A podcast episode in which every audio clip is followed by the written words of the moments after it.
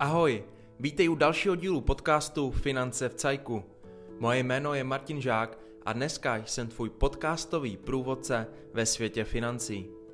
V tomto pořadu se dozvíš v krátkých epizodách vše o finanční gramotnosti, plánování, aktuálním dění, investování, zajištění a o úvěrech. No, a úvod máme za sebou, tak jdeme na to.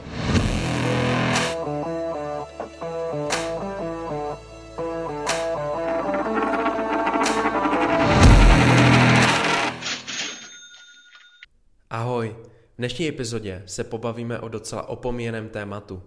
Z každé strany slyšíš, jak je vysoká inflace a jak se zvedají úrokové sazby. Ale co takové téma pojištění? Pojištění není moc sexy téma, nicméně v některých případech je velmi důležité a ve spojení právě s inflací a se zdražováním se potřebujeme věnovat našemu pojištění majetku. Takový pojištěný dům je totiž jeden velký problém a může se z toho vyklubat i existenční průšvih. Zdražování nemovitostí nám v tomto tématu vůbec nehraje do karet. Od roku 2019 totiž zdražily nemovitosti v některých lokalitách v České republice i o 50% To se týká například Brna, od kterého je vzdálená vesnice Hrušky jen několik desítek kilometrů. A víš, co se v Hruškách minulý rok stalo? Oblastí, kde tato vesnice leží, se prohnalo tornádo a napáchalo škody za několik miliard korun. Bylo poškozeno více než 12 soukromně vlastněných domů a z toho přibližně 200 domů muselo být rovnou srovnáno se zemí. Byla to hrozná událost, která připravila mnoho lidí o domov a pár z nich bohužel i o život. Dopad této události nicméně řeší mnoho lidí doteď a dlouho ještě budou, a to i přes podporu obyvatel skrz dobročinné sbírky. Problém nastal, když si poškození lidé chtěli domy opravit splnění od pojišťoven. Mnoho obyvatel pojištění buď vůbec nemělo, nebo ho měli staré a neaktualizované a tudíž podpojištěné. Víš, jak vypadá plnění od pojišťovny v případě podpojištěnosti nemovitosti? Pojďme se podívat na výpočet totální škody podpojištěného domu. Když si pan Novák dělal před několika lety pojistku, jeho dům měl hodnotu 5 milionů korun. Ale v době škody byla hodnota už o 50% vyšší. Tedy hodnota byla 7,5 milionů korun. Kolik peněz podle tebe klient od pojišťovny dostane?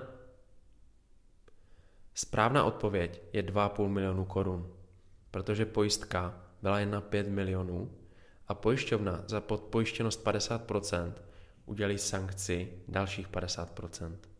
Pro našeho klienta je to tedy likvidační situace, jelikož ke koupi nebo k výstavbě stejného domu mu bude chybět 5 milionů korun. Teď jsme si řekli o extrémním případu. Nicméně škody na majetku se dějí denodenně a nejde jen o hrozbu vychřice či tornáda. Dějí se velké i malé škody. Ty největší škody bývají pachány povodněmi. U těch se pravidelně ve statistikách potvrzuje, že mají lidé podpojištěné nemovitosti, anebo pojistky vůbec nemají.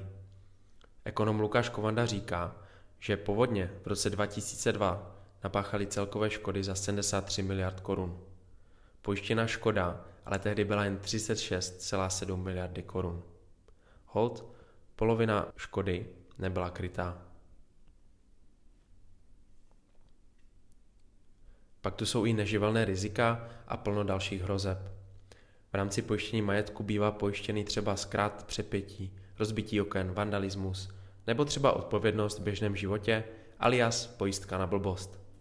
Jedná se tedy o důležité pojištění, které překvapivě bývá cenově dostupné.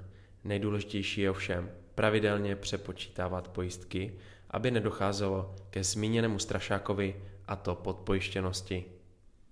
Tyto pojistky se sjednávají na dobu neurčitou s ročním výročím. Každý rok je tedy vhodné pojistku přepočítat a mít tak jistotu, že pojištění, které si platíš, je dobře nastavené a má to vše smysl. Jsme na konci dnešní epizody a já ti přeji, ať ti střecha stojí pevně nad hlavou.